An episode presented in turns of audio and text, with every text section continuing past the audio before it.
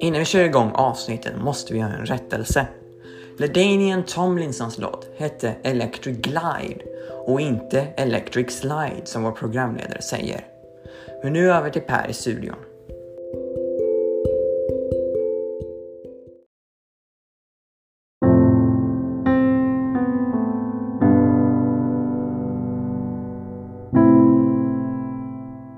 Hej och välkommen tillbaka till NFL Supporter Dokumentär. Podden där vi gräver i NFLs arkiv och plockar fram ett gammalt ämne som är värt ett varv till i rampljuset. Normalt sett brukar vi inte göra regelrätta personporträtt här på podden, men idag ska vi faktiskt ta och göra ett litet undantag. Vi ska ta oss en titt på ett litet guldkorn till historia som jag sprang på häromleden och delade med mig av lite lätt på Twitter i samband med draften tidigare i år. Det rör alltså historien om en man som hade en relativt bra men ganska kort karriär i NFL men som utanför ligan fann en ny kärlek i musiken och rönte framgångar som låtskrivare och får väl idag anses som medskyldig till en av de låtar som ofta hamnar högt på listor när det blir dags att summera världens bästa låtar i musikpressen.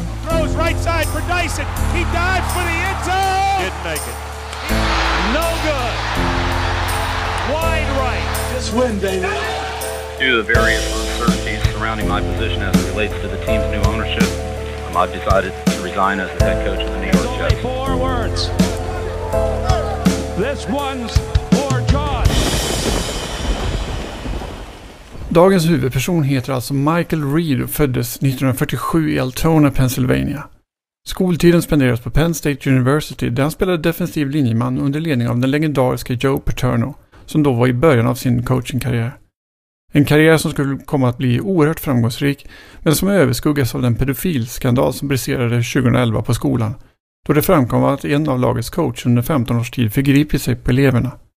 Paterno själv var inte delaktig men tvingades ifrån sin post och det framkom att han känt till eller hört rykten om övergreppen, men inte agerat på dessa. Den tråkiga historien lämnar vi dock till en annan gång. I vår historia är Paterno en ung coach som precis tillträtt på posten som HC över Penn States fotbollslag. Hans filosofi kring sina adepter bygger på premissen att idrotten bara är en del av livet på college. En viktig sådan, men ändå. Av den anledningen uppmuntrade han alltid sina adepter att bejaka sina andra intressen. För Mike Reeds del var hans intressen det skrivna ordet och musiken som låg honom varmt om hjärtat. Sporten var visserligen kul, men det var inte riktigt samma sak. I idrotten var det dock påtagligt att han stack ut. Och Reed har själv beskrivit det som att om jag överhuvudtaget har fått någon talang i detta liv så var det att jag alltid var bra på fysiska saker. Med tanke på facit kanske Reed ska vara lite mer positiv kan man tycka. Men han hade onekligen rätt i det att han var oerhört bra på idrott. Under sina två sista år var han kapten för fotbollslaget. Något som gick tämligen väl då laget gick 22-0 under säsongerna 1968 och 69. Hans insatser gick inte obemärkt förbi och Reed själv plockade hem The Outland Trophy som bästa interior linesman inom collegefotbollen. Samt till Maxwell Award som collegefotbollens bästa spelare. Ett pris som vid tillfället endast hade getts till en defensiv spelare fem gånger under de då senaste 50 säsongerna. Nämnvärt i sammanhanget var att Reed även slutade på femte plats i det årets Heisman-omröstning. Vinnare av det året var Steve Owens, en running back från Oklahoma, som sedermera kom att bli draftad av Lions. Hans karriär har väl sedan gått tämligen obemärkt förbi. Som kontext kan vi dock nämna lite andra namn på listan, såsom Archie Manning som slutade fyra, precis framför vår vän Reed. Bakom Reed på listan återfinner vi andra namnkunniga herrar som till exempel Jim Plunkett och den ökände raiden Jack Tatum. Man kan således ganska lugnt säga att den unge Reed har gjort sig ett namn. Och när det 1970 blev Reeds tur att draftas så var han således ett hett villebråd. Reed valdes därför redan i första rundan som nummer sju utav Cincinnati Bengals. Som nummer ett detta år draftades för övrigt Terry Bradshaw som kommer att ha en tämligen framgångsrik karriär i Steelers under de kommande åren. Steelers select Terry Bradshaw, quarterback, Louisiana Tech. Second choice, first round, Green Bay Packers. Mike McCoy, tackle, Notre Dame. Bradshaws karriär var kanske bättre, men Reeds fick åtminstone en bättre start. Då Reed etablerade sig tämligen omgående som en viktig kugge i Bengals försvar. Under sitt andra år i klubben stod han för hela 12 sacks och ansågs redan då vara en av ligans ledande pass rushers. Bedriften 12 sacks upprepades även under de följande året och komplicerades med 13 stycken sacks under 1973 års säsong. Så långt var livet frid och fröjd i NFL. Men 1974 började skadorna ta ut sin rätt och Reed kände att det tyvärr var dags att lägga skorna på hyllan redan efter fem säsonger i NFL. Nu räknar man inte Sacks officiellt i NFL på den här tiden, men Bengals själva höll stenkoll på detta. Således stannade Mike Reed på 49 sacks, vilket gör att han ligger trea på Bengals interna lista genom åren. Bakom namn som Carlos Dunlap och Gino Atkins. Noterbart är att dessa herrar ligger på runt 86, men också har spelat cirka 90-100 matcher mer än den gode Reed.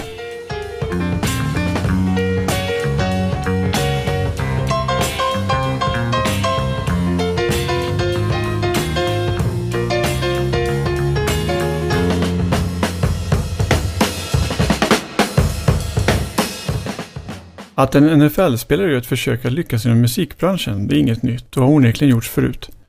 Det har dock inte varit så ofta som vi kan anse att dessa satsningar varit särdeles lyckade, om än seriösa.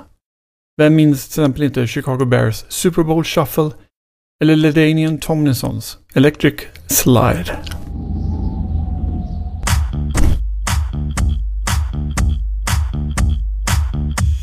What it do? My name's LT. I got a new dance for y'all. It's real easy to do. All you gotta do is glide with it. Oh, here we go. Come on.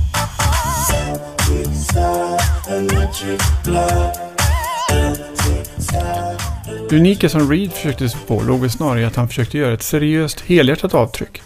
Idrottsstjärnor brukar ofta få göra plojlåtar eller uppträda i TV enkom för att de redan är publika personer. Tidigare nämnda Terry Bradshaw är ett lysande exempel på det här. Oerhört trevlig karl som med lite god hjälp kan ta sig ton när det behövs i något underhållningsprogram. Nu senast kunde man se honom i den amerikanska versionen av Masked Singer. Men att säga att Bradshaw är en seriös musiker är väl lite att ta i. Även om han faktiskt hade vissa framgångar med att tolka gamla countrystandards under 1970-talet. Goodbye, Joe, me gotta go, me oh my oh. Yeah, me gotta go, pull the P road down the bayou. If my Yvonne, the sweetest one, me oh my son of a gun, we're gonna have big fun on the bayou. Nej, för Mike Reed var inte musiken något nytt påfund. Hans examen från skoltiden var trots allt med musik som huvudämne. Och efter skolan hade han dessutom jobbat som pianist innan NFL-karriären tog fart. Efter åren i Bengals återvände han till sin gamla yrkesbana och jobbade som pianist i några år. Även om det självfallet var trevligt att jobba med något man älskade så hade Reed större aspirationer än att sitta i en orkester. Han ville ju bli låtskrivare. Men den biten av hans musicerande ville inte liksom ta fart. Men som i så många andra fall tidigare så råkade ett kassettband glida ner i rätt bröstficka vid rätt tidpunkt och slutligen hamna hos rätt person. Personen i fråga var en herre vid namn Jerry Jeff Walker som 1978 blev den första att spela in en låt av Mike Reed. Eastern Avenue River Railway Blues. Låten var visserligen ingen hit, men det var åtminstone ett steg på rätt väg. Reed kämpade på med sitt musicerande och flyttade 1980 med sin fru till Nashville för att komma närmare countrymusikens epicentra. Han fick där ett jobb som låtskrivare för ett musikförlag. Ett kneg som enligt hans egen utsaga gjorde att musikarbetet kändes lite mer seriöst. Nu var han ändå på rätt ställe, med ett riktigt jobb. Ett jobb som visserligen kom med vissa krav, men som trots allt inbringade hela 100 dollar i veckan. Familjelivet i Nashville rullar på för familjen Reed, dock utan några enorma framgångar på listorna direkt. Men tillräckligt bra för att få behålla jobbet. På sätt och vis finns det väl få bättre platser att bo på om du vill bli låtskrivare. Här finns alla kontakterna och med lite tur kan du säkerligen finna en god mentor någonstans som kan lära dig hantverket. 1984 kom dock vändningen till slut med låten Stranger in my house som spelas in av Ronnie Millsap. En artist som med sin soulfulla röst rörde sig någonstans i gränslandet mellan pop och country. Stranger in my house blev en stor hit på flertalet listor i USA och renderade i att Reed sedermera kunde kvittera ut sin första Grammis i kategorin Årets bästa countrylåt.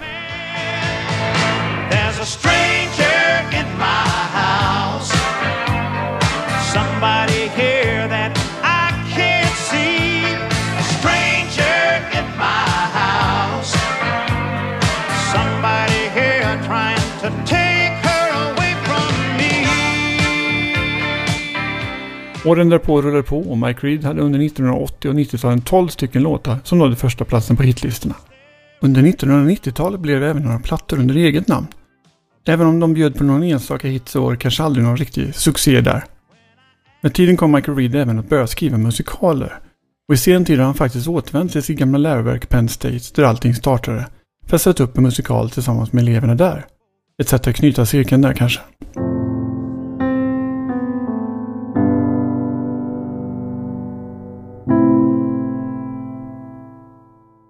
Men hur var det då med det där med en av världens bästa låtar? Ja, för mig personligen så är dock Mike Rees allra största bedrift inte från countrygenren, utan en låt som idag ofta figurerar när det börjar bli dags att göra listor i musikpressen. Musikproducenten Mike Wassle lär en gång ha sagt att låten i fråga är lätt världens genom tiderna allra bästa låt. Punkt. Bridge over troubled waters är möjligtvis i närheten. När Mike Reed konfronterades med citatet i fråga förklarar han det med att Wass även röker en hel del örter. Låten i fråga är I Can't Make You Love Me och gavs 1991 ut av Bonnie Raitt. Låten skrevs som sagt av vår vän Reed ihop med en kille som heter Alan Chamblin och är ett ypperligt exempel på hur resan mot en hitlåt inte alltid är spikrak. Låten var först tänkt som en upptempo countrylåt och kanske skulle låtit någonting ungefär så här. I can't make you love me if you don't. You can't make your heart feel something that it won't. hey. And we, we got that has the aroma of cashable checks to it. Som ni säkerligen förstår hamnade låten i malpåse och Chamberlain och Reed gick skilda vägar en tid för att jobba med lite andra projekt. En dag satt dock Reed och lekte med en ballad vid pianot och kom då att tänka på den där gamla låten som han och Chamberlain lekt med. Kanske fanns det ett sätt att gifta samman de två. Och jag. plötsligt passade alla bitar in och Reed ringde upp Chamberlain och bad honom komma över för att färdigställa låten. Väl klara med sin, ja, numera ballad så återstod frågan vem som skulle sjunga den. Deras första tanke var att ta någon av Linda Ronstadt, Bette Midler eller Bonnie Raitt om de ville. Låten skickades runt lite och till slut fick de napp på den sistnämnde. Förutom Raitt adderades även monsterpianisten Bruce Hornsby, som något år tidigare slagit igenom för den stora massan med hiten Desto the way it is. Singeln släpptes 1991 och kom att bli både Reed och Bonnie Raids största hit.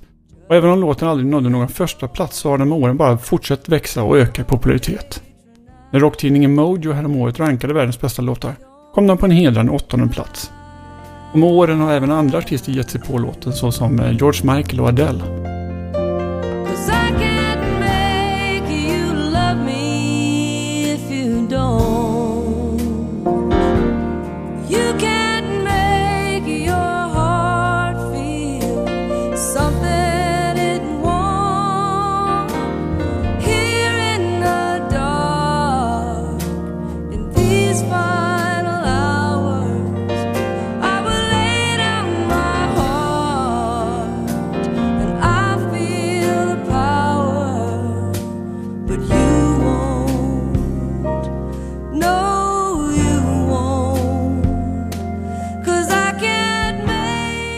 Om vi skulle summera Reeds karriär så är det tyvärr så att karriären i NFL var kanske lite för kort för att rendera några priser på ålderns höst. 1987 valdes dock Reed in i College Football Hall of Fame och samma år fick han även Walter Camp Alumnus of the Year.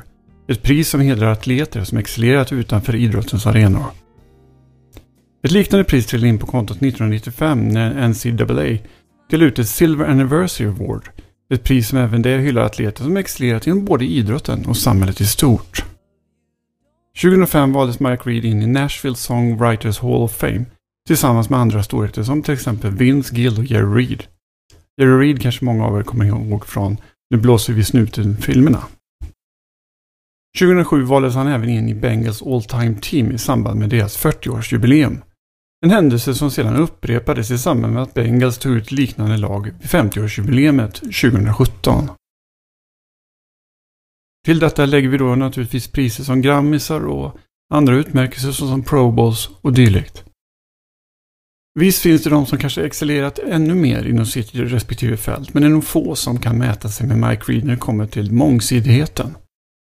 Och även om smäktande ballader kanske inte är det vi brukar ta upp i det här programmet, så det visar ändå på Mike Reeds bredd.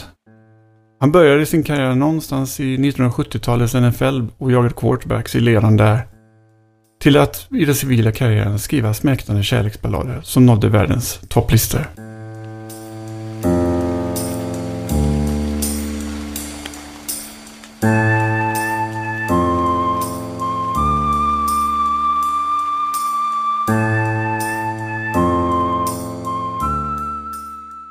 Det där var alltså historien om Mike Reed. Om du har några andra sköna historier som du vill att vi ska ta upp så hör av dig till oss på NFL Supporter Dokumentär.